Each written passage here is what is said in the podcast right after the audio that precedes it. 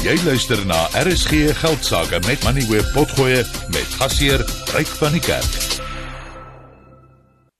Die departement van binnelandse sake het in Desember 'n kennisgewing uitgereik wat bepaal dat buitelanders Suid-Afrika teen die einde van Februarie moet verlaat as hulle teen 23 Februarie nog nie 'n bevestiging van die departement ontvang het dat hulle toerisme visums goedgekeur is nie.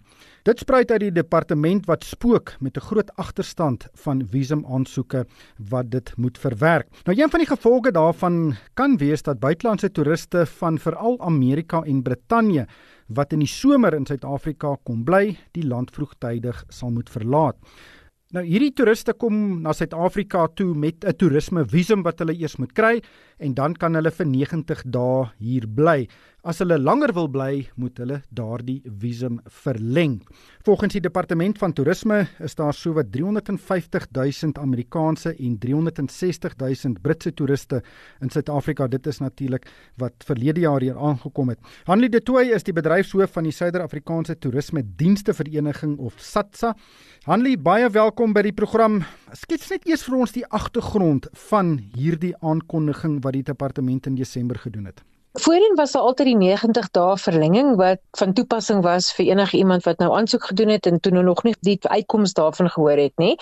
Ons noem dit die toeriste swaalkies. Jy weet hulle kom as dit somer is in Suid-Afrika en winter by hulle dan kom hulle hier na ons toe en hulle bly gewoonlik vir 'n hele paar maande en hulle het 'n groot impak op ons ekonomie. Hulle het 'n aansienlike bydrae wat hulle maak. So die besluit is so ek wil amper sê so saggies saggies tydens die feesseisoen gedoen en dit voel amper asof die regering se onvermoë om hierdie verlengings doeltreffend te verwerk nou uitgehaal word op ons besoekers en ons bedryf, ons toerismebedryf wat natuurlik 'n kritiese ekonomiese sektor is vir Suid-Afrika. So, hoeveel van hierdie swaalkies is daar in Suid-Afrika en wat kan die skade wees indien hulle nou die land vroegtydig moet verlaat? Kyk, daar's 'n ekonomiese impak, so daar's 'n redelike klomp van hulle. Ek het nou nie die presiese nommer nie, maar dit moet naby aan Ek gaan amper sê so 10 20000 van hulle wees. Dit is 'n groot deel van die toerisme wat na Suid-Afrika toe kom en die impak kan in die miljoene rande gaan.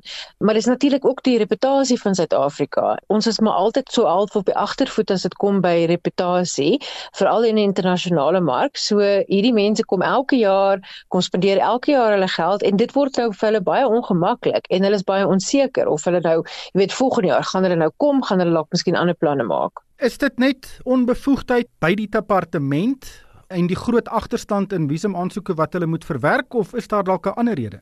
Daar's nie 'n ander rede wat ek van weet nie. Met die departement van binnelandse sake is daar 'n paar plekke probleme. Een van hulle is byvoorbeeld die bedryfslisensies wat ons nodig het vir toerisme vervoer van die nasionale departement van vervoer.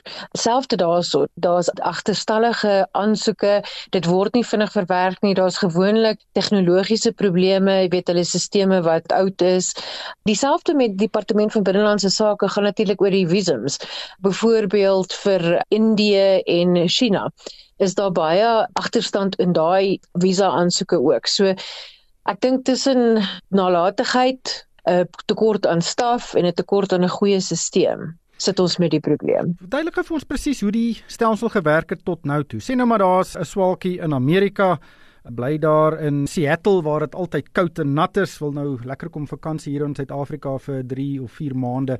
Wat is die proses wat daardie persoon moet nou deurgaan om langer as 90 dae hier te bly? Hulle kom Suid-Afrika toe met hulle 3 maande visum en dan as hulle hierso is doen hulle aansoek vir 'n uitstalling en dit is nou presies in daai proses wat hy moeilikheid sit. So dit was nog maar altyd die geval gewees. Jy weet jou toerisme visa is 90 dae en dan verleng hulle dit as hulle hierso is. En is dit 'n ingewikkelde proses? Nee, wat? Nee, dis vorms en goeders, jy weet, ons weet almal natuurlik nou dit vat maar 'n rukkie om daar te gaan staan om die aansoek te doen en so, maar dit is nie uitsonderlik moeilik nie. En die departement van toerisme het hulle al 'n woord gerep?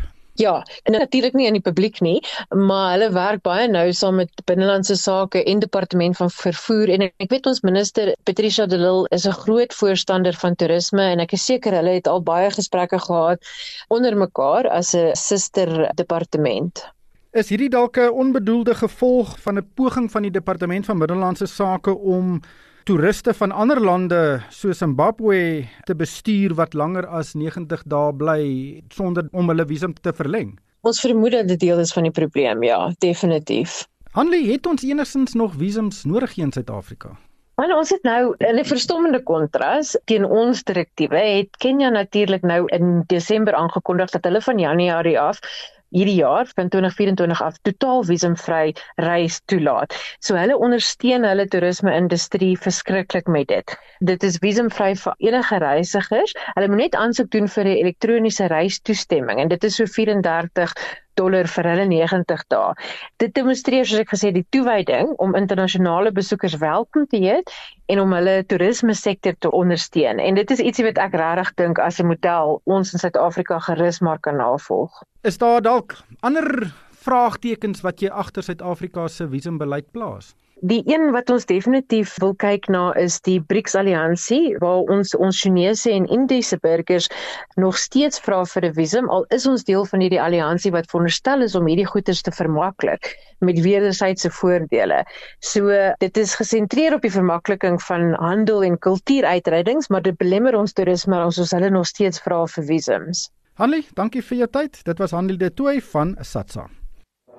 Jy het geluister na RSG Geldsaake met Money where potgoe elke weeksdag om 7 na middag. Vir meer Money where potgoe, besoek moneyweb.co.za of laai die toepassing af en volg Moneyweb News om dagliks op hoogte te bly.